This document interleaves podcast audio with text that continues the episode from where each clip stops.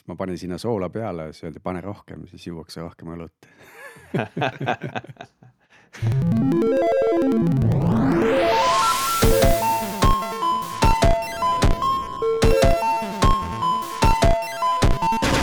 tere jälle Algorütmi kuulama, eetris on meie kahesaja kahekümne viies episood, mille toovad teieni Pipedrive, Nortal ja Veriff.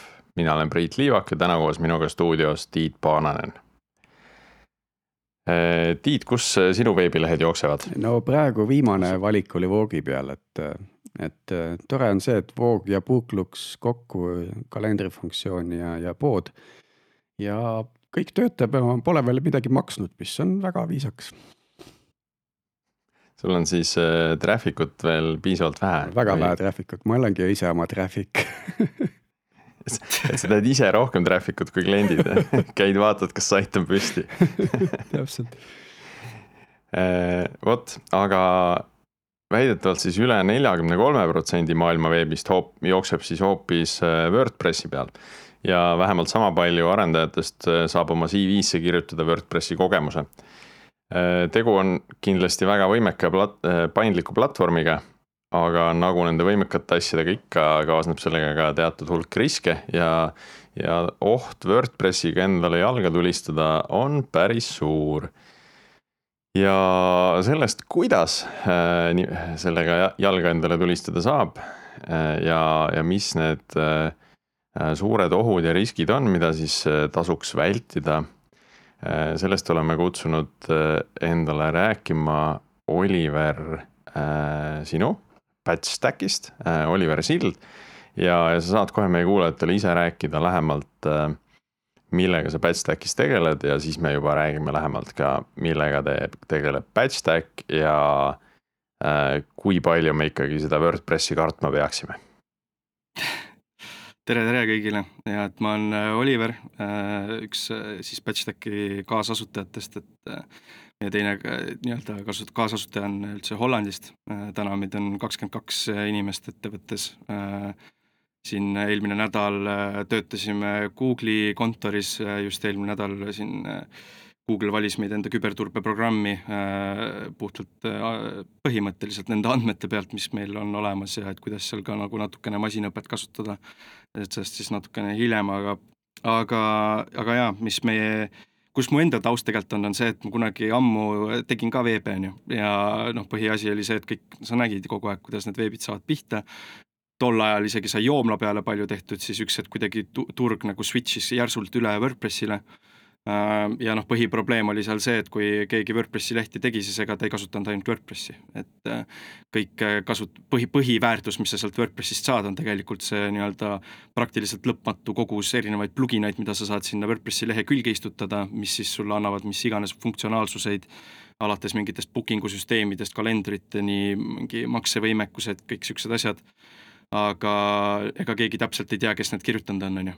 Ja ega keegi täpselt ei tea, kui, kas ta tegelikult üldse oskas seda teha. ja siis, äh, mis me nii-öelda enda ettevõtte poolt äh, hakkasime nagu jälgima, oligi see, et esiteks, et kas inimesed üldse teavad, mis neil sinna WordPressi külge on istutatud. teiseks, äh, kas seal on mingeid teadaolevaid turvahaavatavussi nendega seotud, mille, mille siis pihta tulistatakse ja, ja siis proovime nii-öelda kõige kiiremini võimalikult, võimalikult kiiresti siis klientidele nagu kaitset pakkuda selle eest, et nad, et isegi kui sealt midagi tuvastatakse, et siis neid kohe nagu maha ei tõmmataks sellega. ühesõnaga su-. et eelmine nädal meil oli hea näide sellest. jah, sul oli, oli tüüpiline selline, et ise töötan tööriistaga, märkan, et seal on nagu teatud puudusi ja teen selle peale startup'i lugu. no põhimõtteliselt Äge. jah, et äh, ma väga palju Äh, väga palju tegelesin sellega, et äh, ma aitasin neid välja, kellel olid need lehed juba maha häkitud. et äh, kui keegi, me tegime isegi niimoodi, et me otsisime välja veebilehti Eestis näiteks, et kellel jooksis väga selgelt SEO-sse info, et nad, neil veebilehed müüvad mingit Viagrat ja mis igast jama on ja ise teadlikud ei ole sellest. et, et noh, väga tavaline sihuke seo spämm, mida kasutatakse, et põhimõtteliselt lükatakse igast jama sinna lehele ülesse, suunatakse traffic ut ümber ja nii edasi, et see on nagu üks põhjus, mille või üks, üks viis, kuidas siis nii-öelda häkkerid, kes neid lehti üle võtavad, siis monetiseerivad seda, on ju. et sihuke seo injection ja nii edasi, et siis me me võtsime ühendust nende veebilehtede omanikega, ütlesime, et kuulge, et ma ei tea, kas te ise olete teadlikud, on ju, et isegi väga niisuguseid nagu ütleme, high level ettevõtete veebilehti niimoodi aitasime välja, et kuulge, et ma ei tea, teil siin nagu müüakse igast jama ja traffic ut suunatakse mingitele, ma ei tea, reklaami äh, network idesse ümber ja nii edasi ja siis me aitasime nagu puhastada neid lehti ka nagu sellest, äh, sellest jamast, et me teadsime väga hästi, et kuhu kohta nagu seda pahavara istutatakse, kuidas seda seal veebilehe sees nii-öelda edasi äh, nii-öelda nakatatakse erinevatesse failidesse ja nii edasi. et siis, et see alguses nagu hakkas sealt ja eks üks hetk viskas üle nagu, et tegelikult oleks hea, kui ei peaks niisugust tööd tegema ja siis me hakkasime otsima lahendusi, et kuidas nagu võiks elada maailmas, kus äh, võib-olla sihukeseid nagu asju vähem mm. juhtub. anna korra üks nipp äh, selle kohta, ütleme, et kui, kui kellelgi on veebileht ja seal on WordPress ja bloginäid peal, et, et mille järgi ta nagu ise kõige paremini aru saab, et seal midagi nagu toimub taustal et ma ei tea, kas see on, ma ei tea, võrreldes külastavatust nagu conversion'iga nii-öelda või, või et mingid numbrid hakkavad nagu kukkuma või, või tavapärane rütm häirib või? No näiteks, kuidas meie otsisime välja nagu häkitud lehti, mille peale sa näiteks, kui sa ise lähed veebilehele, siis tundub, et kõik on korras, on ju. aga üks asi, mille järgi sai väga hästi välja otsida, oli see, et äh, ma panin näit-, näiteks Google Dorking, et äh, paned äh, Google otsingusse äh, äh, sait on ju, .ee ja siis paned keyword'e ja konkreetselt kasutasimegi keyword'e mingi Cialis on ju, noh, mingid erinevad nagu siuksed äh, nii-öelda pres-, prescription ravimid, mida siis nii-öelda reaalselt müüakse niimoodi läbi selle seo injection'i. igast mingi esseede writing ud, igast siuksed mingi sketši teenused äh,, panid neid ja sul hakkab kohe tulema, isegi kui sa praegu võtad Google'i lahti, paned äh, sait.ee, lükkad sinna mingi Cialis sisse, sa hakkad leidma igasuguseid Eesti veebilehte, mis ei peaks müüma Viagrat, on ju. oota, aga äh, kuidas see töötab nagu, ma mõtlen selle pahalase vaatest, et et nad mm -hmm. teevad selle seo injection'i, eks.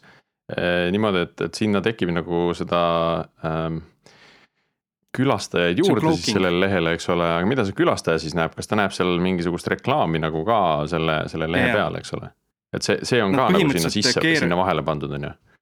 Nad kirjutavad põhimõtteliselt copy üle sellest sõltuvalt, kust tuleb või siis mis user agent'iga tuleb visit ja mis referralist tuleb visit ehk siis, et kui ma, kui sa lähed otse, ehk siis see malware põhimõtteliselt istutab ennast äh, tihtipeale mingit template'i header failidesse igale poole äh,. ja siis ta, mis ta teeb, on see, et ta vaatab, et okei okay,, et kui traffic tuleb äh,, ma ei tea äh,, referral'iga Google'ist või tal on Google bot'i äh, user agent on ju, siis ta põhimõtteliselt muudab content'i ümber mm,. et siis on äh, mõistlik äh,. ehk siis, kui sa otse lähed, on kõik fine, aga kui Google'ist ja. tulevad search result'id ja mida Google näeb, on täiesti teise content'iga jaa, selle kohta me Discordis ka arutasime, millalgi oli kas noh, mingi uudisteväljaanne oli äh, kelle puhul ma panin tähele seda, et, et äh, oli pikk artikkel, kui ma seda Google'ist otsisin pealkirja järgi ja selle lahti klikkisin, siis äh, ma nägin kogu sisu.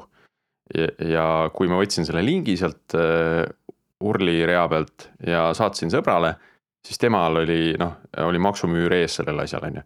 Mm. et, et see pidigi hästi levinud ka olema nagu noh äh,, siis nii-öelda legitiimsetel eesmärkidel, et. et, et Google saaks kogu seda sisu indekseerida, et sa maksimaalselt yeah. nagu oleksid nähtav Google'i kaudu äh,. siis see link, mis sa Google'ist leiad, avab sulle kogu nagu artikli ja, ja see, mis siis noh, niisama jagatakse, see läheb kuskile maksumüüri taha Nad vaatavad jah, referrali järgi seda, et kust ta tuleb, et kui ta on direct, siis ta läheb kohe maksumüüri taha, kui referraliks on nagu organic või siis nii-öelda Google search'ist tulnud. et siis ta läheb äh, jah, nii-öelda lastakse läbi, sest et jah, Google peab ka indeksima seda content'i ära, muidu nad ju ei rank'i SEO-s ja nii edasi, on ju, et see on neile muidu probleem, kui kõik on maksumüüri taga mm. -hmm nii, aga see on nüüd selge, see on nüüd äh,, äh minge enda lehte Google'ist otsima, vaadake, mida siis näete, kui te sealtkaudu lähenete Äh, et võib-olla see on hästi lihtne ja selline käegakatsutav äh, algus.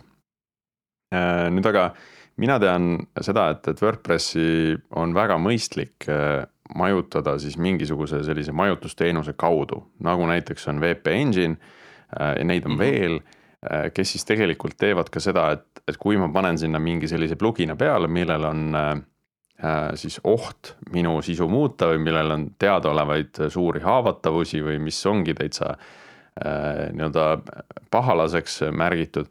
et, siis ta kas, kas nagu lihtsalt ei lase seda installida üldse või siis ta ütleb mulle, et kuule, siin on mingi haavatavus, et, et ole hea nagu leia alternatiiv, et see ei tööta nagu noh, meie nagu policy'le ei sobi mm aga ma saan aru, et see, mida Patchstack teeb, ei ole päris see, sest teie ei tegele ju WordPressi majutamisega.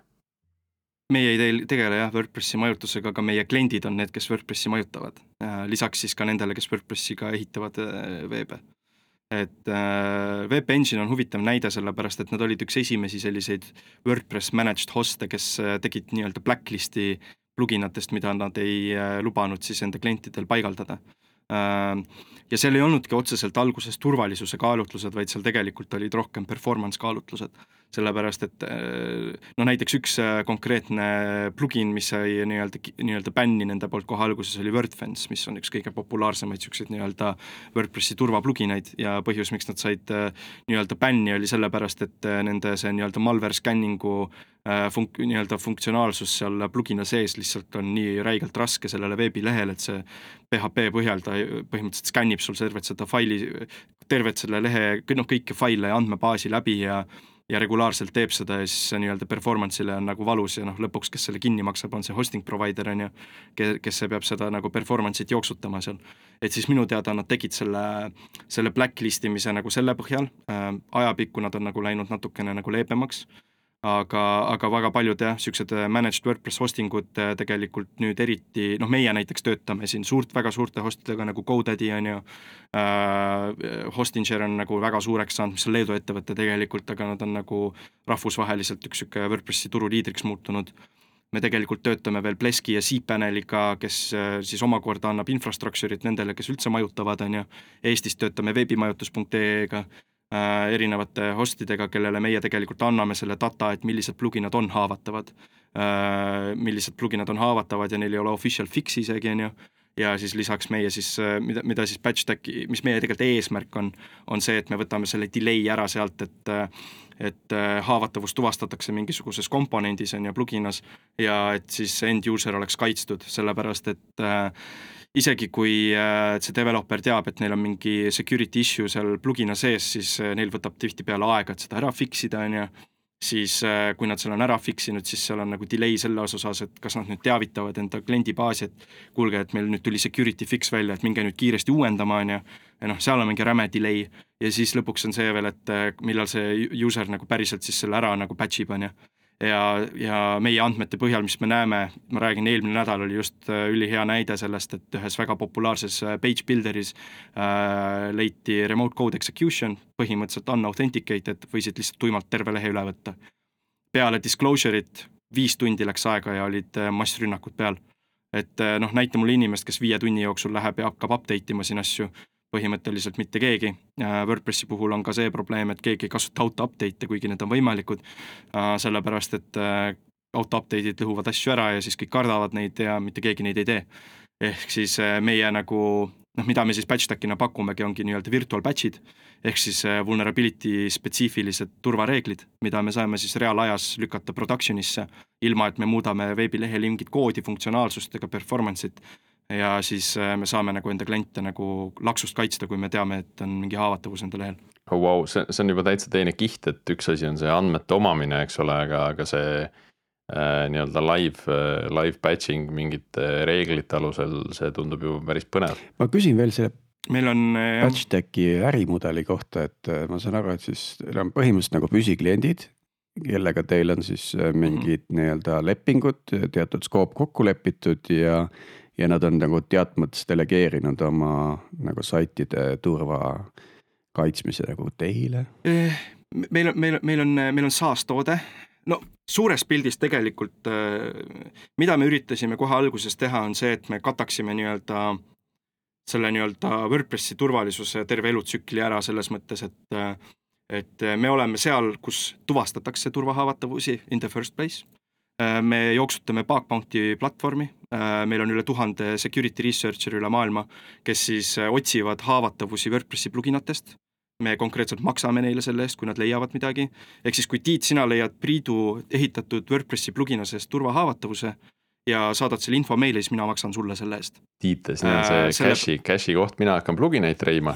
Ja sina hakkad raporteerima.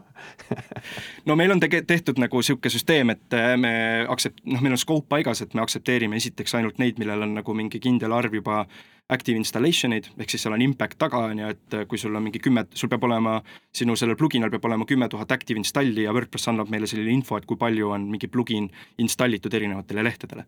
ehk siis me vaatame seda impact'i ja teine asi, mida me vaatame, on siis see severity sellel haavatavusel, et me oleme kusjuures ka ainuke vist Eesti organisatsioon siiani, kellele on antud õigus määrata iseseisvalt CVE-si ehk siis me määrame nendele haavatavustele, mis, turvahaavatavusest, mis meile report itakse, CVE Äh, numbrid ja siis me teeme nagu, meie kontrollime siis seda disclosure protsessi, et millal need haavatavused siis ka avalikuks meie andmebaasis tehakse ja millal me need CV-d siis nii-öelda sinna äh, CV orgi ülesse ka lükkame wow,. et äh, me vaatame, me arvutame sinna CV-sse mm. -hmm. et, et võtame sellesama CV nagu raporteerimise ette.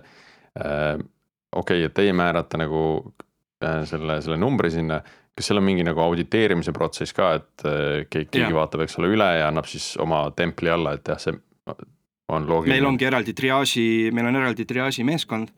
Äh, kui meile saadetakse neid, no ma ütlen, jaanuarikuus saadeti meile kuussada kakskümmend uut vulnerability't.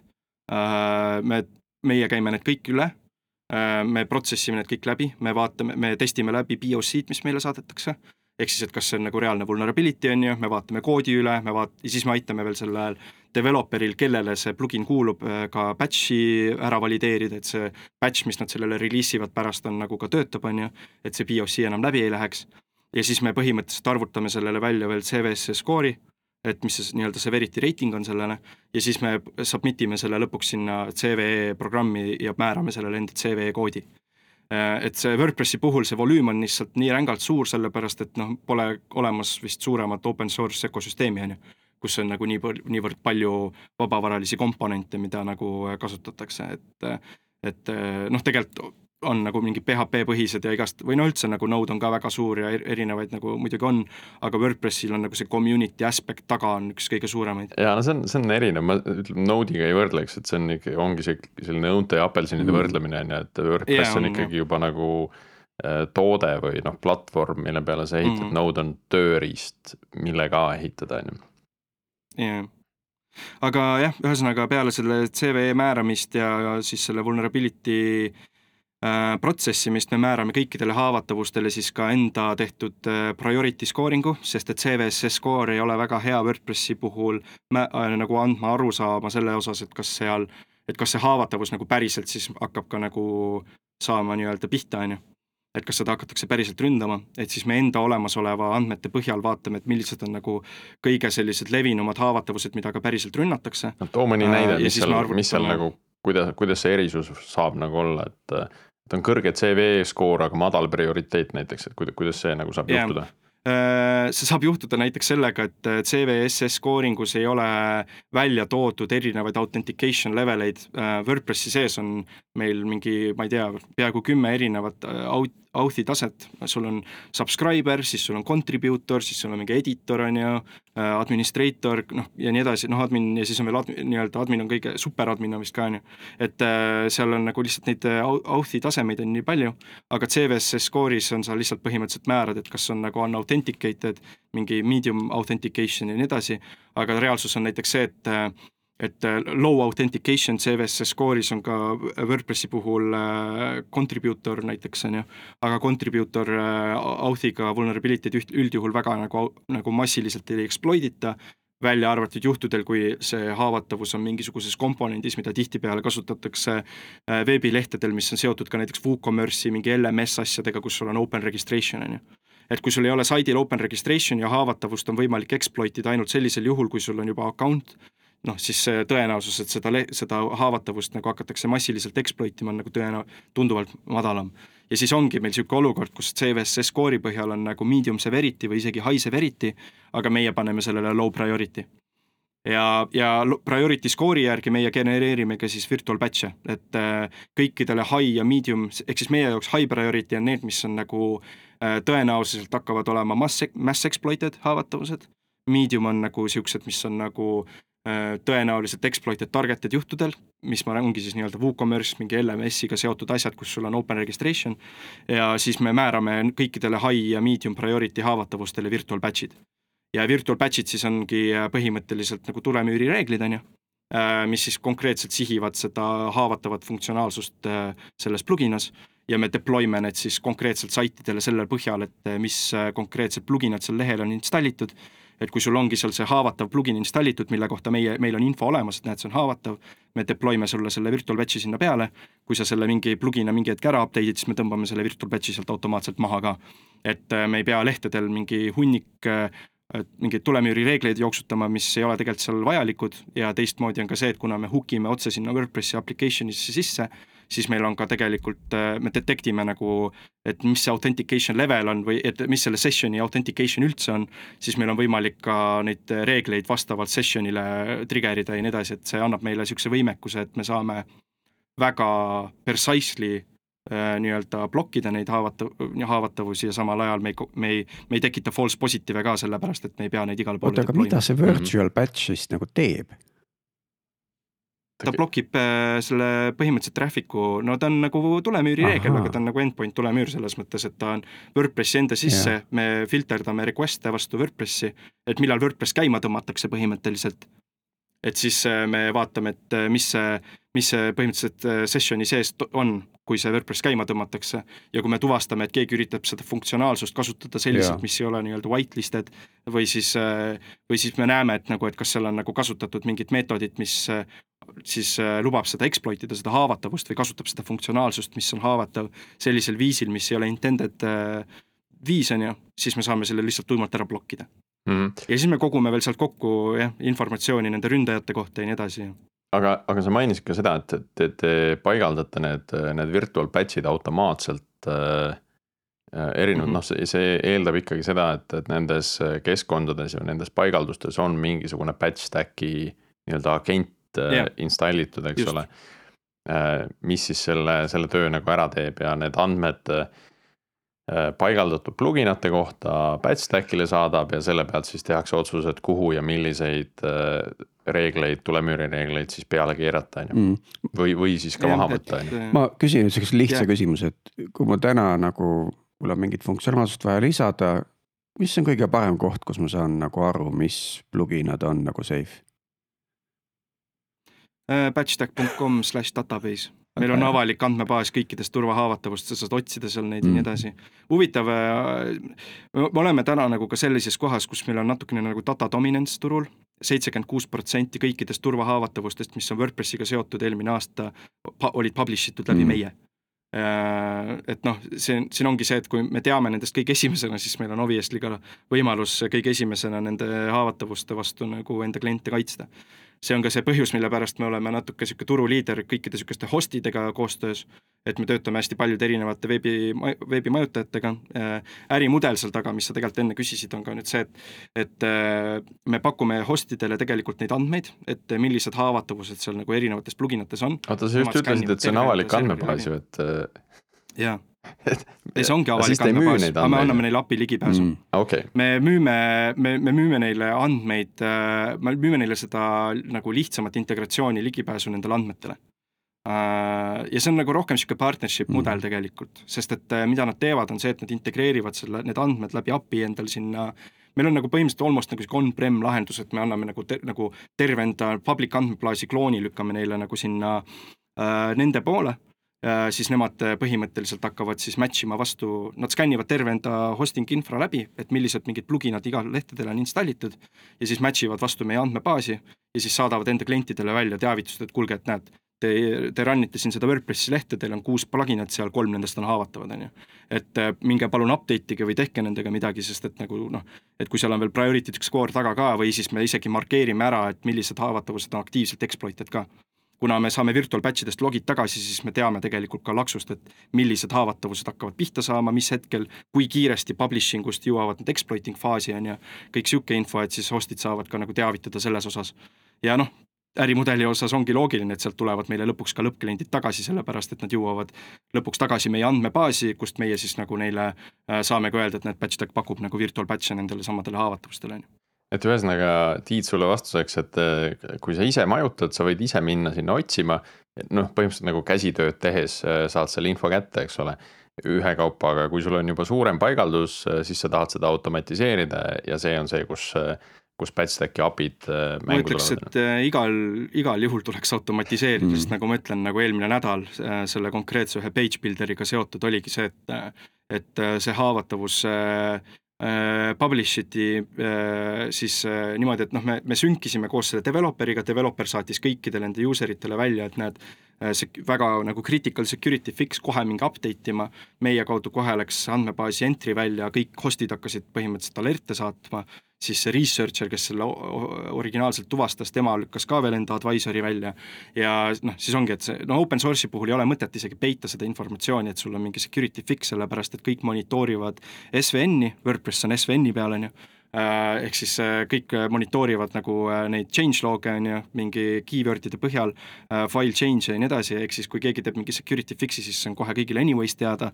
ja, ja, ja siis ongi see, et nagu noh, user itel selle konkreetse haavatavuse puhul oli viis tundi either kas update ida või siis, kui neil ei olnudki nagu noh, meie virtual batch idega suutsime kõik enda kliendid ära kaitsta, on ju.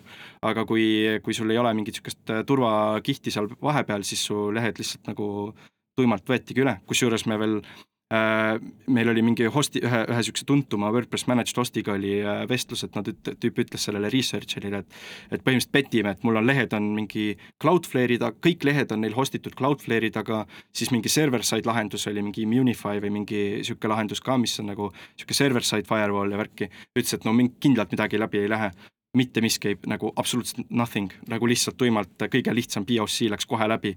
et äh, Cloudflare'i ja nende niisuguste serverpõhiste firewall'ide, noh, Modsec ja mingite selliste asjade puhul, nende reeglid on nii ära optimeeritud, et nad ei tekitaks false positive'e, et need WordPressi spetsiifilised turvahaavatavused, mis sul on mingi loogikaga seotud ja mingi broken authentication'i asjad, need ei, lihtsalt ei tee mitte midagi põhimõtteliselt, et äh, äh me lihtsalt näeme kogu aeg, et meie enda klientide lehed on ka mingite Cloudflare'i asjade taga ja kõik tuleb läbi nagu, et WordPressi spetsiifilised haavatavused on lihtsalt niivõrd nagu äh, omamoodi. aga kas, kas on ka WordPress ise tulnud nagu äh, teie juurde neid andmeid küsima, et, et noh, et miks peab nagu Tiit minema sinna, sinna avatud andmebaasi on ju, võiks ju sealt plugin äh, siis äh, library'st kohe nagu näha seda, et, et, et kas see on, ma ei tea, markeeritud punaseks või roheline plugin on ju no vot, siin ongi see tore asi, et äh, WordPress on open source ja WordPress on nagu mingi governed in a very weird way selles mõttes, et äh, nemad ei taha põhimõtteliselt kelle, priva-, nii-öelda erasektoriga nad mingit koostööd ei tee, WordPressi sinna core'i nad mingeid niisuguseid lahendusi ei tee, mis rely ivad mingisugusel väljaspoolsel asjal, ehk siis nad nagu ei tee seda. ma tegelikult käisin äh,, WordPressil on niisugune nii-öelda konverentsid, WordCampid äh,, hästi suured konverentsid, Euroopas üks, USA-s üks, Aasias üks, eelmine aasta ma olin, noh Euroopa oma niisugune flagship event neil ma eelmine aasta äh, tegin ettekande seal State of WordPress Security eelmise aasta kohta, on ju, äh, ja ma nagu reaalselt tõstatasin selle probleemi, et äh, kui me, noh, meie selle research'i tulemusel, et me ehitasime kogu selle Bug Bounty platvormi sinna taha ja kogu selle süsteemi, noh, see turva või nende haavatavuste maht, mis on tuvastatud on lihtsalt nii haigelt hüppa, hüppanud ja see on tegelikult mitte sellepärast, et uued haavatavused on tekkinud, vaid lihtsalt keegi ei ole neid mingi kümme, kakskümmend aastat otsinud, on ju. et ainsad, kes on otsinud, on need tüübid, kes tahtsid häkkida, on ju, ja siis neil oligi see, et noh, kõik oli hästi vaata lihtsasti leitav. nüüd me oleme nagu natukene raskemaks teinud selle neile, sellepärast et me ise otsime ja aitame arendajatel need ette ära parandada, on ju. aga üks probleem, mis nagu ma tõstatasin seal konverentsil ka, oli nagu konkreetselt see, et et äh, WordPressi enda repo ütleb, kui pluginad on näiteks äh, ära close itud sellepärast, et seal oli mingi turvahaavatavus, mida developer ära ei fix inud, aga WordPress core ise seestpoolt ei näita seda infot.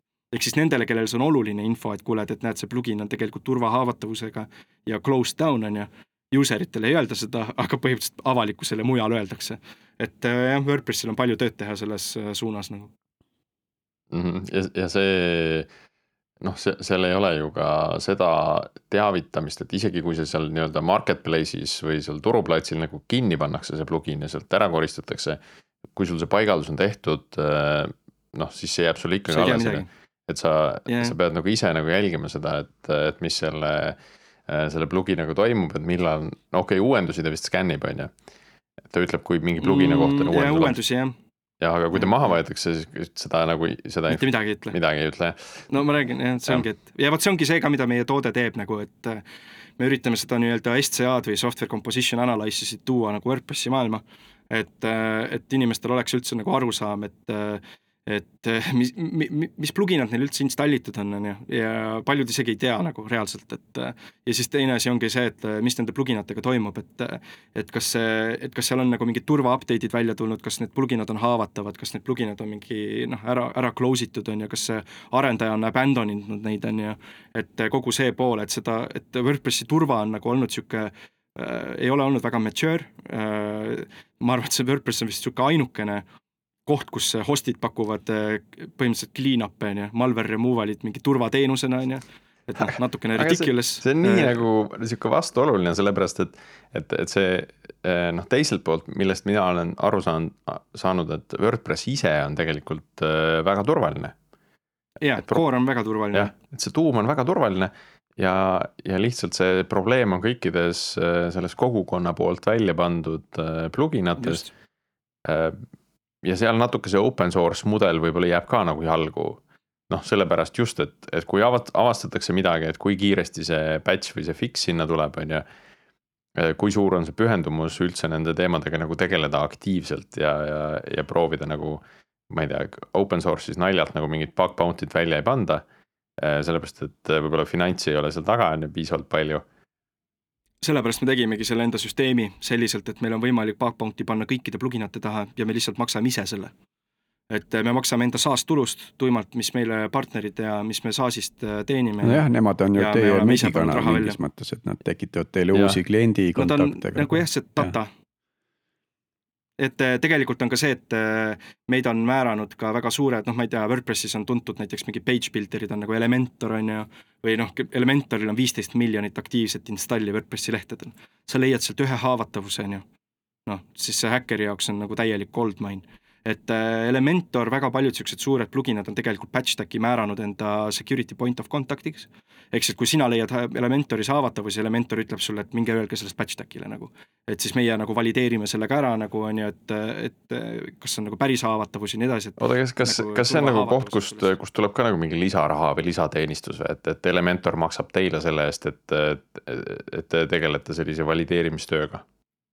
Tead täna mitte, sellepärast et lõppkokkuvõttes nagu see meie teenime enda raha ikkagi sealt, et meil on informatsioon selle haavatavuse kohta võimalikult kiiresti, et me saaksime enda klientidele võimalikult kiiresti siis äh, pakkuda kaitset. me teenime küll ka nüüd äh, nende, nende suuremate selliste, noh, kes on meid määranud nagu selleks nende security point of contact's, me kutsume seda nagu managed vulnerability disclosure programm'iks on ju. et nad äh, maksavad meile nagu selle eest, et meie nagu vahendaksime näiteks bug bounty't, et natukene niisugune traditsiooniline bug bounty mudel ka. et kui me räägime nagu patch stack'i äh, tuluallikatest konkreetselt, siis tegelikult see ongi jaotatud kolmeks. Et äh, me teeme, meie SaaS on ju, mille kaudu me neid virtual patch'e anname ja meie nii-öelda see see arendajatele suunatud tööriist, kus nad nagu teevad seda nii-öelda software composition analysis'it nagu põhimõtteliselt on ju, et kus neil on ülevaade, et kõik, kõik, ühendavad enda kõik äh, veebilehed, mis nad on teinud äh, patch stack'iga ära ja siis neil on ülevaade, et kus on, mis pluginad installitud, mis, mis on haavatavad, on ju, saavad neid virtual patch'e sinna nendele haavatavustele peale. Ja siis teine asi ja siis nad ma- maksavad nagu meile nii-öelda SaaS, SaaS-i poole pealt on ju, siis teine tuluallikas on läbi partnerite, ehk siis nagu veebimajutajad, tegelikult ka väga paljud eh, WordPressi security tooted, mis on nii-öelda meie konkurendid nii-öelda, on tegelikult meie kliendid, kes kõik meie data peal on. äh, ehk siis noh, väga, väga suured nagu, kes põhimõtteliselt kõik, no need, nad lihtsalt peavad saama andmed kuidagi haavatavuste kohta, sest et äh, enamus see tuleb läbi meie, on ju. ja siis, ja siis kolmas on tegelikult äh, need plugin arendajad, et äh, meist on nagu def, kuidagi de facto saanud ka põhiline WordPressi ökosüsteemi pluginate niisugune pentestija Mm. et äh, me teeme nagu auditeid neile ja, ja me kont-, ja me teemegi seda nagu protsessi seda vulnerability disclosure programmi kaudu ka, et nagu, et me nad maksavad meile, et nad saaksid nagu highlight itud olla meie selle turva testijate kogukonna ees, on ju, kes siis otsivad ka sealt, on ju, siis me maksame enda turvatestijatele nagu, me anname punkt, meil on niisugune gamification süsteem isegi sinna taha lähte tehtud, et kui sa lähed patchstack.com, võtad Bugbounty programmi lahti, meil on leaderboard'i süsteem, me anname punkte researcher itele, nad saavad leveleid ja me maksame neile iga kuu veel igast nagu leaderboard'i põhjal. esimene koht saab iga kuu vist mingi üle tonni, on ju, ja siis niimoodi maksame neile raha ja et, et niisugune nagu gamification pool on ka sinna taha ehitatud just sellepärast, et meil oli vaja teha see bug bounty süsteem selliselt, nagu just Priit ütles, et nagu pole loogiline nagu open source'i taha bug bounty't teha, sest paljud on nagu täiesti open source, neil ei ole mingit raha maksta bug bounty eest. et siis me tahtsime selle nagu taga, taustal ära katta niimoodi, et see bug bounty make sense nagu terve ökosüsteemi üleselt.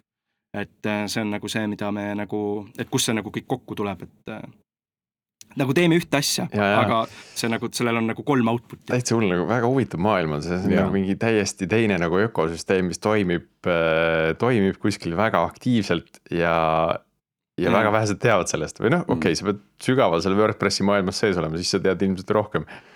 ja, ja sul on, sul on oma, oma agent ja sul on oma hea API, eks ju, mille, mille kaudu ongi yeah. väga hea kasseerida. no me pidime tegema me pidime tegema plugina, noh, meil on ka WordPressi plugin on ju et äh, meil, meil ei jäänud muud üle, sellepärast et muidu keegi ei saa mm. installitud neid asju sinna. et äh, mingite serveri provider itega meil on integratsioonid tehtud otse äh,, nende nagu äh, server-side nagu aga suurelt jaolt on ikkagi see, et kliendid, kes või noh, kõik WordPressi nii-öelda arendajad ka nagu nad ehit-, need, need arendajad selles mõttes on paljud, kes ei, isegi ühtegi rida koodi ei kirjuta, on ju, et nemad lükkavad selle veebilehe sinna host'i üles ja siis nad installivad pluginaid, disainivad seal page builder'iga mingi asja mm -hmm. kokku ja nad pakuvad WordPress arendusteenust, on ju. see on põhiline, kes on WordPressi arendajad ja, ja noh, nende puhul on see, et kui me tahame neile pakkuda seda teenust, siis ainuke viis, kuidas neid, nad saavad seda üldse installida, on läbi plugina et äh, seal ei ole nagu midagi teha. Ja tegelikult on ka meil tehniliselt üks põhjus, miks see peab pluginana jooksma, on see, et meil on vaja hook ida sinna WordPressi nii-öelda application'isse sisse ennast, sest et mul on, meil on vaja tuvastada seda session'i authentication level'it ja nii edasi, et me peame seal WordPressi selle rakenduse sees äh, jooksma.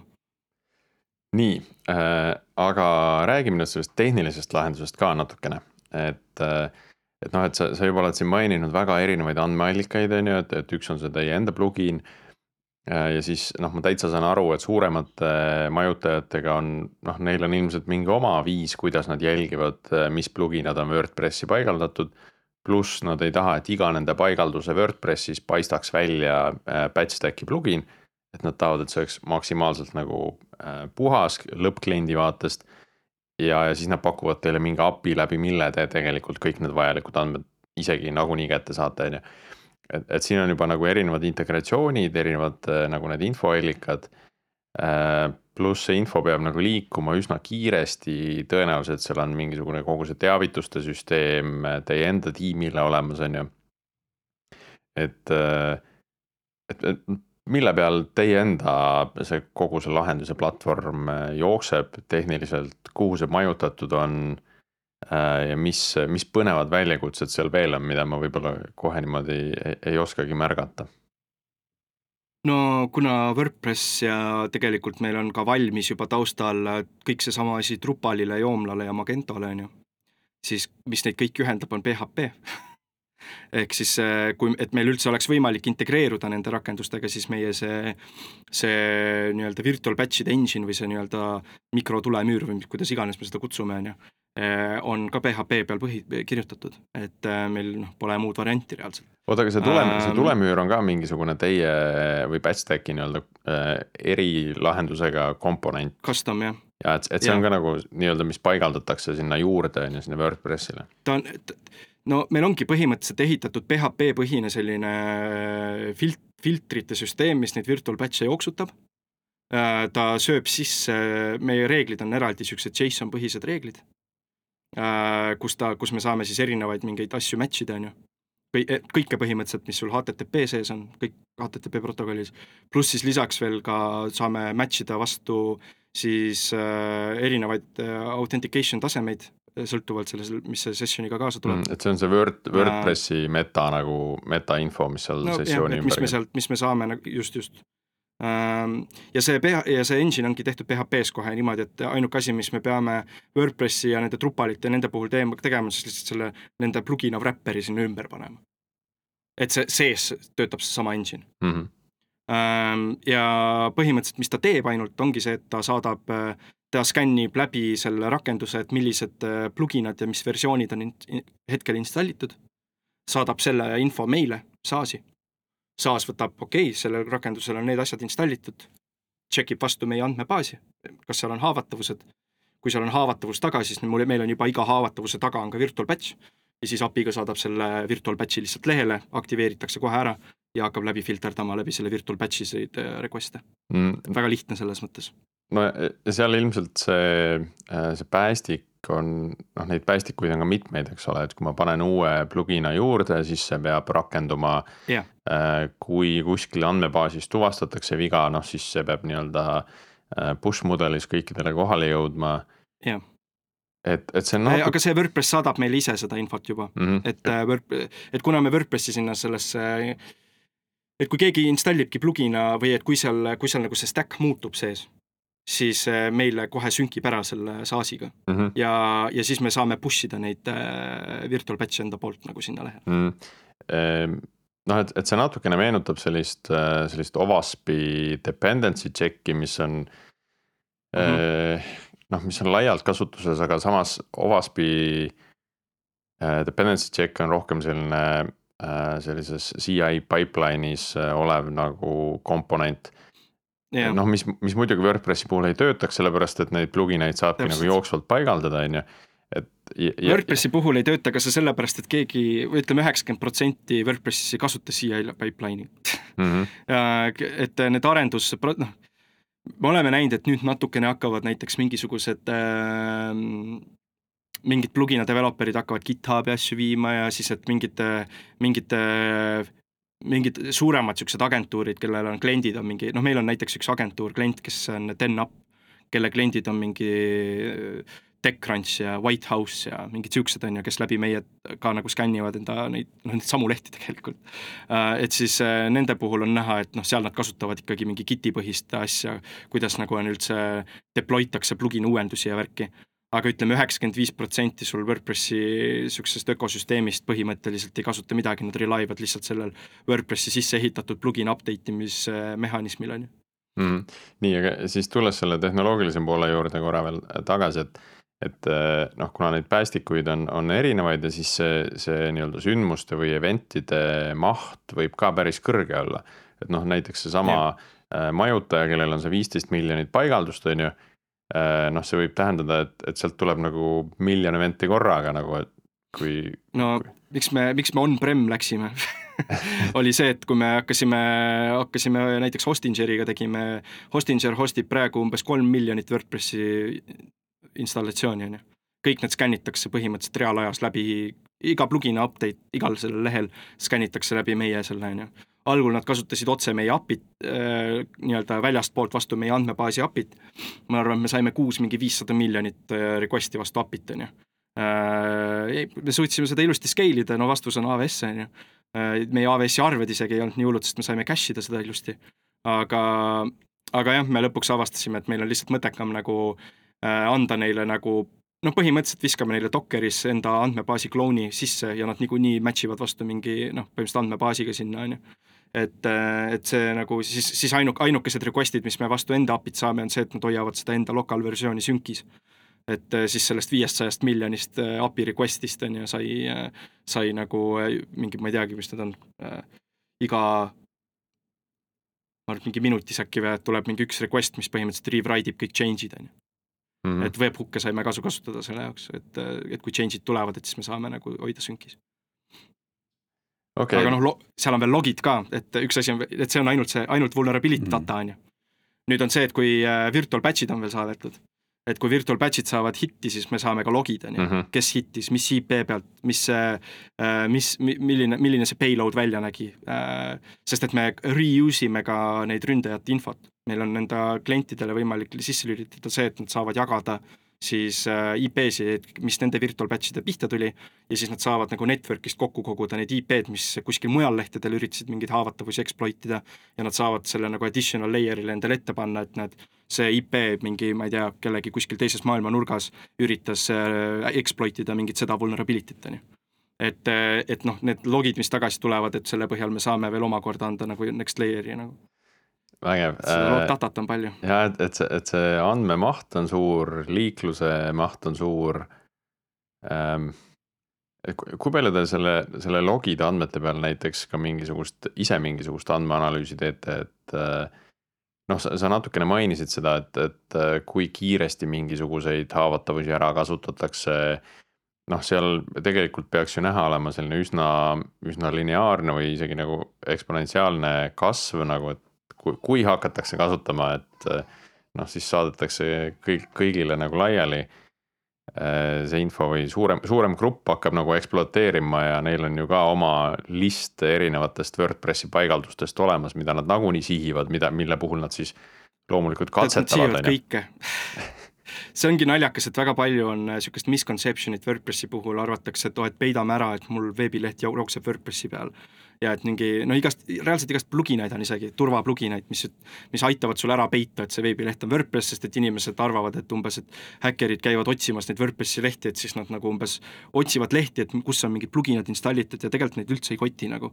et nad äh, mingid äh, suuremate host'ide IP range'id otsivad üles ja lihtsalt annavad lihtsalt kõigele hagu ja kui nagu midagi noh, tuleb mingi suurem haavatavus välja, siis lihtsalt kõik, kõigele antakse pihta ja, ja siis hakkab result'e tulema, on ju, et et me näeme, et enumereeritakse ka, otsitakse, kuna WordPressi igal pluginal on kaasas readme.txt fail, on ju, siis sul on võimalik otsida neid readme.txt faile, sest sa tead, kus kohas need nagu noh, WordPress on ju, siis äh, WP Content plugins on ju ja siis sul on nagu võimalik sealt otsida nagu äh, need readme failid kätte ja siis sa saad nagu enumereerida, et kus lehtedel need nagu annavad sulle nagu äh, result'i, on ju ja siis sa saad nagu sellega teha mingi target list'i, aga suuremalt jaolt me näeme seda, et kui mingid mass exploit'id tulevad, siis seal ees ei ole mingit enumeratsiooni äh,. lihtsalt antakse tuimalt kõigele, kellele võimalik on ja vaadatakse põhimõtteliselt väga oportunistlikult, et äh, mahu pealt, noh. et ei ole mõtet äh, hakata peitma, et sul on WordPress, pigem lihtsalt kaitse see korralikult ära ja, ja jälgi, et kõik,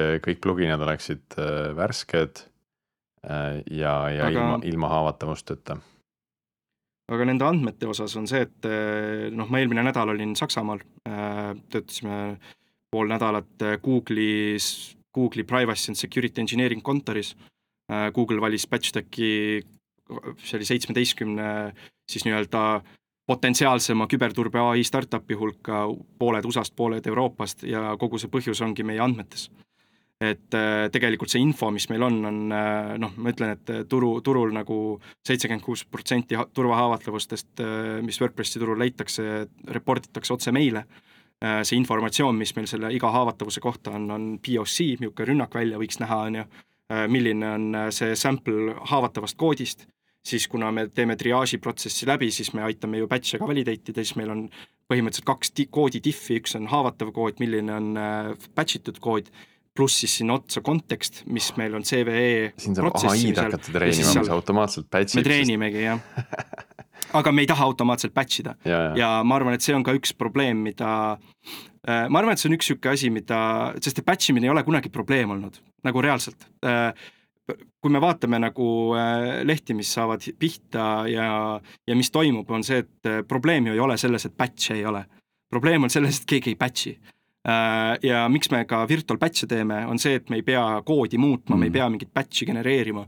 me saame igale haavatavusele teha spetsiifilise reegli ja me saame lükata need laivi.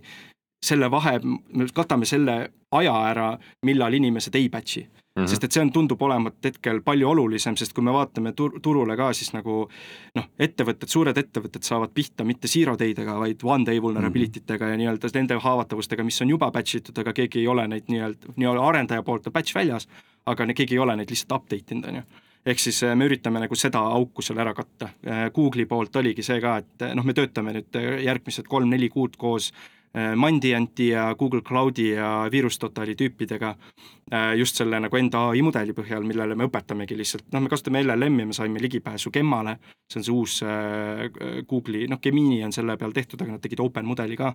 me ei taha kasutada OpenAI-d või mingeid muid asju, kuhu me peame enda äh, seda proprietary datat nii-öelda söötma, on ju et põhimõtteliselt, mis me õpetamegi talle, on see, et kuna meil on kuusteist tuhat haavatavuse nagu kuusteist tuhat haavatavust on meie andmebaasis täna, mille kohta meil on äh, code diff'id, haavatav kood, batch itud kood, CVE äh, kontekst selle ümber ja siis virtual batch'id ja siis me põhimõtteliselt äh, võtame haavatavust järgi, cross-site, reflected cross-site scripting, õpetame talle selgeks, et näed, niisugune näeb välja haavatav versioon, parandatud versioon, siin on vpatch, palun mine äh, nüüd hüppas, meil on, me, me kloonisime terve WordPressi repo, kaks, mingi kaks terabaiti on meil koodi, istub AWS-is ja me põhimõtteliselt tahame lasta selle ai sinna pihta, et näe, meil on see community report inud neid haavatavusi, mine otsi sarnaseid haavatavusi tervest repost, genereeri meile virtual batch'e nagu et äh, noh, see on niisugune unelm põhimõtteliselt täna veel, et mm -hmm. aga noh, meil on väga palju seda andmeid, andmed on see, mis selle ai teevad üldse võimalikuks, on ju, et eks me näe, mis siin järgmise kolme kuu jooksul meil noh, tänu Google'iga koostöös äh, saama hakkab. nii äh,, ma tulen nende logide juurde veel tagasi, et äh, no sa ütled, et, et neid haavatusi oli kuusteist tuhat, mis on baasis koos, koos mm erineva metainfoga kui palju neid logisid on, et äh, kas te hoiate neid pikalt alles või, või nad on pigem nagu lühikest aega, et ja, ja Me... Äh, boonusküsimus, et kas, kas siin on ka mingi koostöö, ma ei tea, julgeolekuagentuuridega või, või korrakaitseüksustega, kes siis võivad mingeid häkkerrühmitusi kuskil kinni panna selle põhjal, et, et te, te nagu näete ju, et millises IP vahemikus nagu ja kust suur hulk ründeid tuleb, on ju et äh, probleem on selles, et äh, ma lihtsalt vastan kohe kõigele viimasele poolele. probleem on selles, et kedagi ei huvita äh,. see on ka, aga teine asi on see, et need enamus ründed tulevad host idest äh,. ehk siis WordPressi lehti häkitakse tihtipeale selle eesmärgiga, et neid kasutada selle jaoks, et host ida seal mingit malware'i ja, ja tegelikult run ida rünnakuid ehk siis, et väga palju rünnakuid tulebki konkreetselt mingitest olemas juba häkitud lehtedest proxy'na nii-öelda aga logide põhjal äh, noh, me, ma arvan, et me täna skännime nagu enda andmetega läbi kuskil viissada miljonit lehte iga päev, sorry, viis miljonit. Äh, ja logisi, ma arvan, mingi vastu VPatch'i konkreetselt saame, ma arvan, kuskil kolm miljonit iga kuu. mis on siis nagu äh, siin on nagu oluline öelda, et see ei ole nagu mingi niisugune nii-öelda generic reeglite poolt genereeritud või noh, mingi niisugused nagu, et mingi, et aa, see tundub cross-site scripting olevat või siin on, tundub olevat keegi üritanud SQL injection'it teha, on ju. Mhm, vaid need on nagu konkreetsed asi, rünnakud vastu vpatch'e, ehk siis ma tean, et sellel lehel on haavatavus ja ma tean, et siin on rünnak tulnud vastu seda haavatavust, on ju.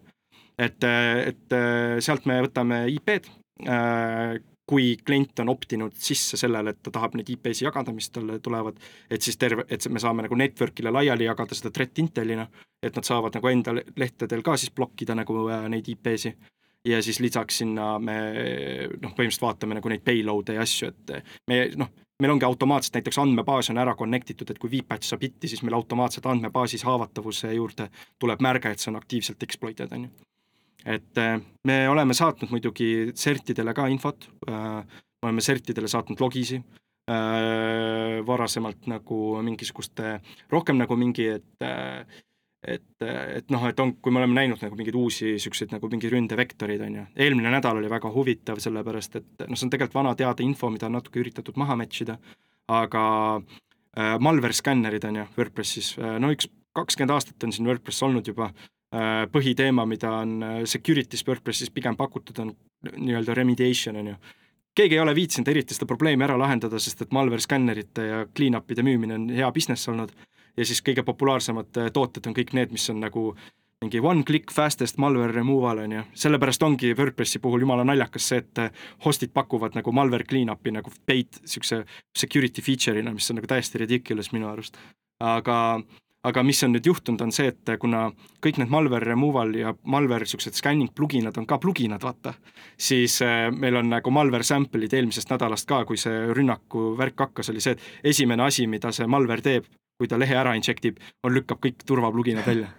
et, äh, et noh, siis ongi, et mis me oleme ka öelnud nagu kõigile, et et malware scanning ja mingid back-up'id ja siuksed asjad peaksid jooksma kõik kuskil server side, et sul mingi compromised rakendus ei, ei ole vastutav selle malware skännimise eest, on ju, et ta ei saa seda teha, kui ta on ise ka häkitud mm. -hmm et, et WordPressi turul kindlasti siin, no me jube näeme, juba näeme, et niisugune switch nagu mindset'i switch on nagu äh, tekkinud ja natukene nagu rohkem mature imaks liigub mm. asi. et niisuguse prevention'i poole läheb äh, teema rohkem ja, ja ma arvan, et me oleme ka nagu päris palju ma arvan, et meie influence on olnud ka siin turul väga tugev nagu siin viimase paari aasta jooksul. natuke puuriks veel seda Bug Bounty programmi, et ma tegelikult sellest dünaamikast äh, äh väga palju ei tea, et äh, ma kujutan ette, et kui ma seal kuskil leaderboard'is olen ja see hakkab juba mõjutama minu sissetulekut, siis ma hakkan järjest rohkem sinna nagu aega panema. mis tähendab seda, et ma ilmselt juba mm. tean, mis arendajatel on probleeme ja siis ma lähen nagu monitoorin ja. neid ja siis ma sealt teenin nii-öelda on ju. et mis veel seal mm -hmm. nagu toimub? Meil on Discordi community, meil on seal mingi tuhat inimest. Äh, me üritame tegelikult ka kuidagi nagu connect ida arendajaid sinna nüüd edaspidi, et oleks, kutsume seda Patch Tech Alliance'iks, et me tegelikult open source'is on nagu olnud see, eriti WordPressis, et et need security researcher'id nagu, et kui arend-, kui security researcher leiab haavatavuse või see bug bounty hunter leiab haavatavuse mingis pluginas ja report ib selle developer idele, siis tavaliselt on see, et see developer saab hullult vihaseks, sest et nagu mida sa tuled siia nokkima ja nüüd on, nüüd on nagu pekkis, et umbes mu kliendid kõik arvavad, et plugin on nii halvasti tehtud ja ühesõnaga, et niisugune nagu tagurpidi nagu suhtumine on veits, et kui mingi teine developer tuleb ja aitab tal mingit koodi paremaks teha, on ju, et siis on vägev, aga et kui mingi security researcher tuleb ja aitab tal koodi turvalisemaks teha, siis on nagu, et mida sa tuled paned enda nina siin minu asjadesse, on ju. kuigi on open source, on ju, et tegelikult loogiline peaks olemagi nii. et me üritame natukene seda mindset'i muuta sellega, et me tegimegi selle alliance'i, et me tahaks nagu seda ka arendajate ja siis nende researcher ite vahel seda alliance'it tekitada, on ju aga et seal Bookbounty's ongi see, et, et kuna WordPress on open source, kuna kõik pluginad on sul SVN-i kaudu kättesaadavad, siis väga palju paage leitaksegi läbi selle, et noh, sa võid mida iganes kasutada, sa võid ju mingit SAST ja Dynamic mingi code, noh, põhimõtteliselt mingi static code analyze tool idega skännida terve repo läbi, otsida SQL injection'id ja siis massiliselt saata meile SQL injection'id sinna Bookbounty programmi, on ju. aga noh, sellepärast me oleme ka enda scope'i teinud selliselt, et nagu mingite asjade eest me nagu maksame, mingite asjade eest ei maksa, väga low hanging fruit'id me üritame välja filterdada ja lisaks ka me ei võta vastu mingeid asju, millel on näiteks alla mingi kümne tuhande mhm. active install'i on ju ja mingeid selliseid asju. et äh, ja, ja sellest tulenevalt me ka me maksame per vulnerability ainult nendel juhtudel, kui need on unoath ja, ja põhimõtteliselt full takeover haavatavused, seal me maksame kuni kaks tonni ühe haavatavuse eest ja muus osas on äh, see, et äh, kui nad report ivad nagu mahus mingisuguseid asju, siis me anname punkte neile, me kalkuleerime siis selle aktiivsete installing ute arvu kokku siis selle severity score'i ja enda mhm. priority score'iga ja siis me anname neile XP-d ja siis nad, on niisugune live ranking leaderboard, kus ongi esimesest kohast tuleb alla, iga kuu see reset ib ja me maksame neile iga kuu plekki nagu, et seal on niisugune competition ka mm, juba mm,. Ta peaks XP ikka vahetama selle batch coin'i vastu välja, et ja, ja, jah, ma arvan, et meil CTO läheks nagu närvi veits selle peale, kui me siin mingi krüptoasju hakkaks tegema mitte, et ma siin mingi krüptopromootor oleks, lihtsalt see võib-olla nagu jälle. me mingis, mingis episoodis siin rääkisime sellest äh, nii-öelda virtuaalsest rahakotist, et ähm,. mis, mis võib-olla on nagu lähemal sellele päris rahale, mida teenida, kui kui äh, abstraktsed XP-d on ju kuigi no tegelikult on seal see küll, et äh, mingites olukordades meil on olnud mingid, noh, kuna me peame neid payout'e tegema ja payout'e tegemisel me räägime juba igasugustest legal- ja raamatupidamislikest asjadest ja nii edasi, on ju, et siis äh, noh, researcher'id, me ei küsi neilt mingi kohe mingit infot, et kes nad on ja nii edasi, sellepärast et meil ei ole vaja, noh, igaüks võib minna lugeda open source koodi ja öelda, et näe, ma leidsin, et siin, ma lugesin seda avalikku infot, et siin on haavatavus, ehk siis open source haavatavused nagu by nature on juba tegelikult avalik informatsioon, on ju keegi ei läinud kedagi häkkima nagu selles mõttes nagu traditsiooniliselt mingid bug bounty programmid mm -hmm. töötavad nagu HackerOne ja nii edasi, et ettevõte andis loa, et sa võid tulla testima minu mingit tarkvara, on ju. Open source'is, sellepärast ongi, meie open, meie bug bounty programmis on, kõik on in scope, tule ja otsi ja mölla nagu tee, mis tahad, sellepärast kõik on GPL ja kõik on vaba vara, on ju. et kui sa midagi näed ja loed, et seal on haavatavus, siis tule ja report'i meile aga siis ongi see, et nagu meile report ivad igast tüübid nagu, kes võib-olla vahepeal ei taha öelda, kes nad on, on ju, noh, mingid siuksed asjad. aga lõpuks, kui me tahame neile payout'e teha, siis me peame neilt küsima, sellepärast et me teeme payout'e läbi PayPali, mis on lihtsalt kõige lihtsam vahendus. et siis meil on vaja teada, et kes nad on ja nii edasi, on ju. aga, aga noh, me oleme ka nagu teinud äh, donation eid, mingid vennad ei taha nagu öelda, kes nad on, siis me donate ime neid kuskile mingitesse nende charity tesse on ju, ja seda raha ja nii edasi et me oleme siin mingi viimase, me oleme seda bug bounty't run inud siin nagu üle kahe aasta juba. me oleme mingi varsti pea sada tonni niimoodi välja maksnud security researcher itele. et, äh, et noh, see tekitas päris korraliku muutuse turul, noh, WordPressi ökosüsteemis ka. et äh, nüüd kohe, kui me Drupaliga välja tuleme, siis me hakkame trup-, me hakkame sedasama mudelit nüüd äh, duplicate ima Drupalile, on ju, me tahame tegelikult PHP, terve PHP ära cover ida siin järgmise aasta jooksul. Laravelile hakata sama asja tegema, Laravel on ka suur community mm., me saame täpselt sama mudelit teha security research nii-öelda niisuguse crowdsource itud threat intelligence'i ehitame taha, teeme koostööd infra provider itega, host idega, kes nagu neid rakendusi host ivad ja siis pakume virtual batch'e ka laivis trupp, nii-öelda Laravelli rakendustel ja nii edasi. ja kui PHP covered on, siis lähme hakkame Node.js-i noolima, sest et seal on täpselt samasugused probleemid äh, vägev, seda, seda viimast juba ootaks äh, huviga, et Node'i. Äh, Node'is on eriti, Node'is on ju veel see, et seal on nagu eriti see probleem ka nagu nende abandoned projektidega ja kus mm -hmm. on tegelikult ka mingid projektid on üle võetud mingite teiste vendade poolt, kes ja. sinna hakkavad nagu niisugust äh, vähe funky mat koodi sisse panema, on ju. et, äh, et jah, need, äh, need probleemid on tegelikult igal pool samad. et see mudel tegelikult töötab igal pool, et me oleme kaks, viimased kaks aastat olnud hästi tugevas RD niisuguses mode'is, et äh, Euroopa Liit äh, meid rahastas kahe poole, kahe koma seitsme miljoniga siin kaks aastat tagasi. et me just töötaksimegi nagu selle kallal, et me saaksime selle mudeli nii-öelda teha selliselt või nii-öelda, et selle selle metodoloogia ehitada selliselt valmis, et me saaksimegi seda expand ida nagu teistele open source ökosüsteemidele WordPressist välja et äh, ma olen ka väga, seal on kindlasti väga palju erinevaid challenge'id ja see on kindlasti teistmoodi juba selle põhjal, et kuidas see community suhtub sellesse, et me nüüd hakkame neil seal haavatavusi leidma ja tuvastama, on ju, äh, kuni nagu selleni välja, et kuidas seal, seal üldse need dünaamikad on. aga üks asi on kindel, et WordPressi puhul neid haavatavusi on tunduvalt rohkem, kui me näiteks Drupalil hakkame mm. nägema et äh, need protsessid, mis me täna sisemiselt oleme valmis ehitanud, kuidas me triaažime neid haavatavusi ja nii edasi, et me nagu niisuguse raske töö oleme nagu mingis mõttes ära teinud, et äh, et äh, siin teistele content management systemitele liikumine on natukene lihtsam. väga põnev. Tiit, kuidas sul on, kas mõni küsimus veel kripeldab no, hingel? tuli jah see mõte, et kui nüüd Oliver saaks midagi nüüd muuta mis nagu teeks kõigile selle elu vähe turvalisemaks nagu WordPressil. lisaks sellele, et ta palub kõigil batch stack'i endale installida, see plugin on ju. siis mida ta nagu, mida ta nagu saa-, tahaks muuta, mida sa tahaksid muuta? Äh, et inimesed ei kasutaks, äh, ühesõnaga, et arendajad, kes ehitavad WordPressi lehti, ei, äh, ei istutaks samu WordPressi rakendusi ühte folder'isse mingites hostides reaalselt eelmine nädal me nägime olukorda, kus äh, sellesama, sellesama Unoath RCE-ga oli nagu see, et äh, üks leht sai tala ja neil oli sada lehte veel samas host-, nii-öelda agentuur teeb lehti klientidele, pakuvad ka nii-öelda hosting'u service'id sinna peale, et klient ei peaks endale ise minema hosting ut otsima, kõik sada lehte on ühes äh, shared host'is põhimõtteliselt, erinevates kaustades, vaata.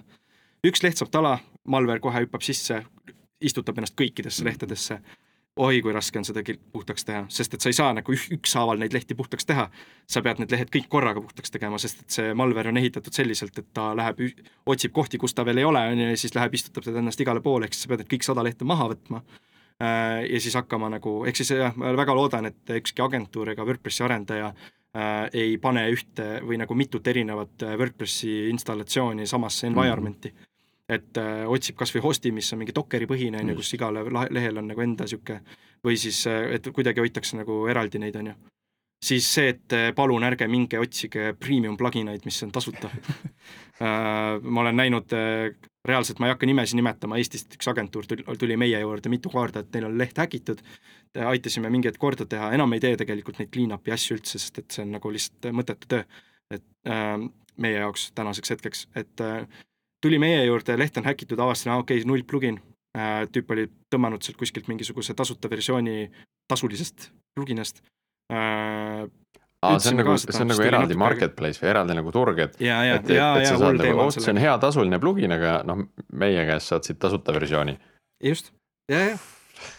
ja need on, neil on nagu licensing ära stripitud yeah.. ja siis, äh, ja siis ühelt poolt on nagu juba see küsimus, et, et äh, kui licensing on ära stripitud, siis sa ei saa ka uuendusi vaata. eks kui see, kui see plugin nagu päriselt mingi security update'i reliis ib, siis sul on nagu eos pekkis vaata.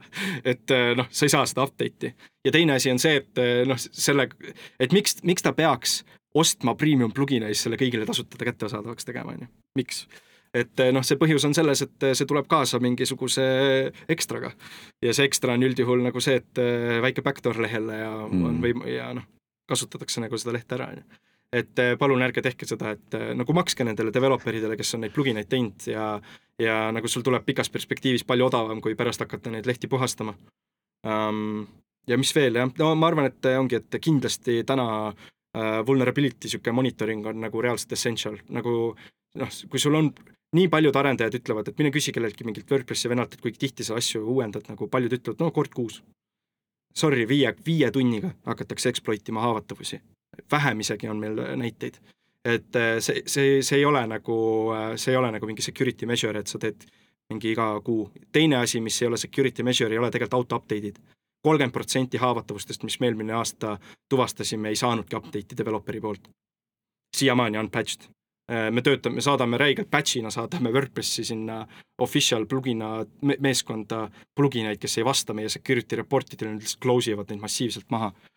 sest et need ongi konkreetselt abandoned, developer'id on kuskil ammu ära kadunud, aga need lehed, aga nagu need pluginad run ivad kuskil mingitel tuhandetel lehtedel, on ju et, äh, et kindlasti tuleb tasu, tasu, tasub vaadata nagu. ja, ja noh, siin isegi see viis, see viis tundi on nagu hirmutav, isegi need uuendused üks päev äh, ei ole piisavad ju, sest äh, noh, siin, siin tuleb mängu ka see ajatsoonide erinevus on ju, et kui yeah., äh, kui mina siin iga hommikul käin ja neid uuendusi teen, et, et tegelikult äh, neid hakatakse ära kasutama kuskil teisel pool äh, ookeani sellel ajal, kui mina õndsalt und magan, on ju, et ma tahaks no,, et äh, et mingisugunegi batch äh, natukene pidurit paneks enne, enne kui ma hommikul üles ärkan ja hakkan vaatama, et äh, kas nüüd on midagi, millega tegelema peaks no sellepärast me teemegi virtual batch'e ja, ja, ja sellepärast me ei tee ka nagu päris batch'e selles mõttes. et äh, kui me teeks päris batch'e, siis läheksid, noh, kellel ongi mingi version control'id, asjad taga, noh, kui me läheme sinna mingi hard code'is muutma mingeid plugina faile, on ju, noh, it's a no-go, nagu keegi ei laseks niisugust asja läbi. Ja teine asi on see, et nagu see võib tekitada mingi breaking change, on ju. Et äh, virtual batch'id on nagu selles mõttes kõige vähem intrusive viis äh, sul see delay sealt vahepealt ära kaotada, kus su leht on. Äh, põhimõtteliselt exposed mingisugusele haavastusele. et, äh, et äh, ja noh, me näeme nagu praegu ka, et virtual batching on naljakas, sest see ei ole nagu mingi asi, mis me leiutanud oleme, see on nagu mingi, mingi ülivana asi, mis on nagu, kui sa vaatad ka Waspis nagu, et see on nagu mingi IDS-ide vana mingi ja noh, ja IPS, no nii-öelda äh, nagu firewall'ide osa, et sa kirjutad lihtsalt igale haavatavusele eraldi tulemüürireegli. noh, põhimõtteliselt on see see et see on nagu ülivana asi, aga sellel on nagu kinda nagu meie poolt, vähemalt noh, meie turul on second wind mm. tekkinud mm., sest et neid on palju lihtsam sul automaatselt kirjutada, neid on üldse palju lihtsam teha. Äh, ja no nüüd tegelikult, mida meie näeme, on, et ai-ga nagu meil on võib-olla isegi võimalik neid automatiseerida täielikult, sest et äh, large language modelid, kusjuures äh, suhteliselt hästi suudavad JSON-iga tegeleda et äh, kuna need reeglid on meil JSON-i põhjal, siis meil on ja meil on nii palju konteksti nende haavatavuste kohta, siis kes teab, äkki me jõuamegi üks hetk sinnamaale, kus me saame teha enda andmete põhjal niisuguse ai, mis käib ja otsib automaatselt vabavaralisest tarkvarast haavatavusi, siis teeb automaatselt neid reegleid, on ju. et äh, Google'i programmis eelmine nädal meil äh, põhimõtteliselt see üks põhivendasid, kes selle Google'i, ta on siis Google'i selle Gemini küberturbe selle äh, nii-öelda, nad testivad selle, selle Gemini mudeli turvat, selle tiimi juht on ju. Nad rääkisid seda, et nad üritasid äh, Geminiga teha või noh, üldse erinevaid ai mudeleid kasutasid, üritasid teha päris batch'e. Nad ütlesid et, et viisteist protsenti batch'id töötasid. ja siis ta näitas meile, et mis need batch'id olid, mis töötasid, olid need, et ai mingi comment'is vulnerable code'i välja ja tegi igast siukseid, no töötab ju, pole enam vulnerable vaata. et tegi siukseid nagu igast imelikke asju, siis ütles ka, et nagu, et see on nagu täna nagu endiselt asi. Ja see ma näen ka nagu, et turul nagu, et et on palju startup'e, kes nagu hullult tõstavad raha, et nagu kasutada ai-d, et automaatselt batch'e kirjutada. aga ma arvan, et sellel on natuke parem lahendus ja ma arvan, et need on virtual batch'id, sellepärast et äh, see delay on palju väiksem, ma räägin, batch'id ei ole kunagi probleem olnud, et isegi kui sul ai teeb selle batch'i valmis, et äh, sul ei kao see Mm. probleem ju ikka ära, et keegi ei lähe ja deploy seda, on ju. ja see on huvitav, see on natuke läheb sinna äh,, mingid aastad tagasi oli hästi kõva äh, haip oli sellise mutation testing'u ümber ka, et äh, et noh, et käid ja muudad koodi ja siis äh, noh, mingid asjad nagu lähevad katki, mingid asjad jäävad nagu tööle äh,. sa vaatad, kuidas su testid käituvad nagu selle peale, et kas nad tuvastavad mm. selle, et kui midagi katki läks näiteks, on ju. Aga nüüd noh, kui nüüd ai-ga seda muuta, seda koodi, siis sa saad seda võib-olla natuke targemalt teha, on ju niimoodi, et sa nagu päris, päris lollusi ei tee selle, aga, aga, aga see on midagi, mis ei ole kunagi nagu lendu läinud, et noh, et see oli nagu kunagi Mhm. selline äh, teooria, et oh, see on nagu hea viis, kuidas oma teste võib-olla nagu, nagu veel paremaks saada, et kuidas sa nagu maksimaalselt välja pigistad oma testidest. Aga see, see ei ole kunagi olnud tehnika, mis on, mis on nagu laiapõhjalisse kasutusse läinud, et see on ikkagi nagu hästi niši asi, et et mulle tundub, et see ai-ga batch'ide pealepanemine äh, läheb nagu sama rada, et, et võib-olla nagu mingi piirini ta nagu töötab mm., aga Mhm. see protsent ei ole. noh, läheb veel aega, Jaa. kuni see on piisavalt kõrge, et, et seda nagu päriselt usaldama hakatakse, et. et enne ikkagi tuleb, enne ta on ikkagi nii-öelda toe, toetav vahend arendajale. Jah, no ma arvan, et see ei ole väga tore, kui sul ai hakkab äh, sul koodi välja kommentima et äh, see võib-olla ei ole kõige parem viis batch imiseks. seal võib ka olla ka selline nagu protsessiline, organisatsiooniline küsimus, et kui ma mõtlen, et üldiselt infoseki tiimi ähm, arendusvõimekusele, mis tihtipeale on, on kuskil ajaloos ja on pigem teoreetiline. ja siis ma mõtlen selle tootearendustiimi sellise developer experience nagu tööriistade ehitamise võimekusele ja soovile sest seal see ka puudub, seepärast seal nüpeldatakse mingeid featuure pidevalt välja, eks ju. ja siis ta kukub kuhugi sinna vahepeale, tead. et keegi ei nopi seda üles ja noh, palju ettevõtteid, kellel ei ole seda äh, nagu võimekust sealt midagi üles noppida, on ju. Äh, jaa. Nii, aga kuidas me kokku võtame selle, selle hirmsa WordPressi loo? et äh, päris ohtlik maailm, ei maksa nagu oh, noh, tegelikult on tavalised põhimõtted, et ära nagu usalda nagu seda tüüpi, kes sulle nurga peal nagu tasulist asja tasuta pakub. Äh, et kui ei lähe Rolexit ostma nagu, nagu Jah, turult ja- siis, siis ära, ära ka tee seda.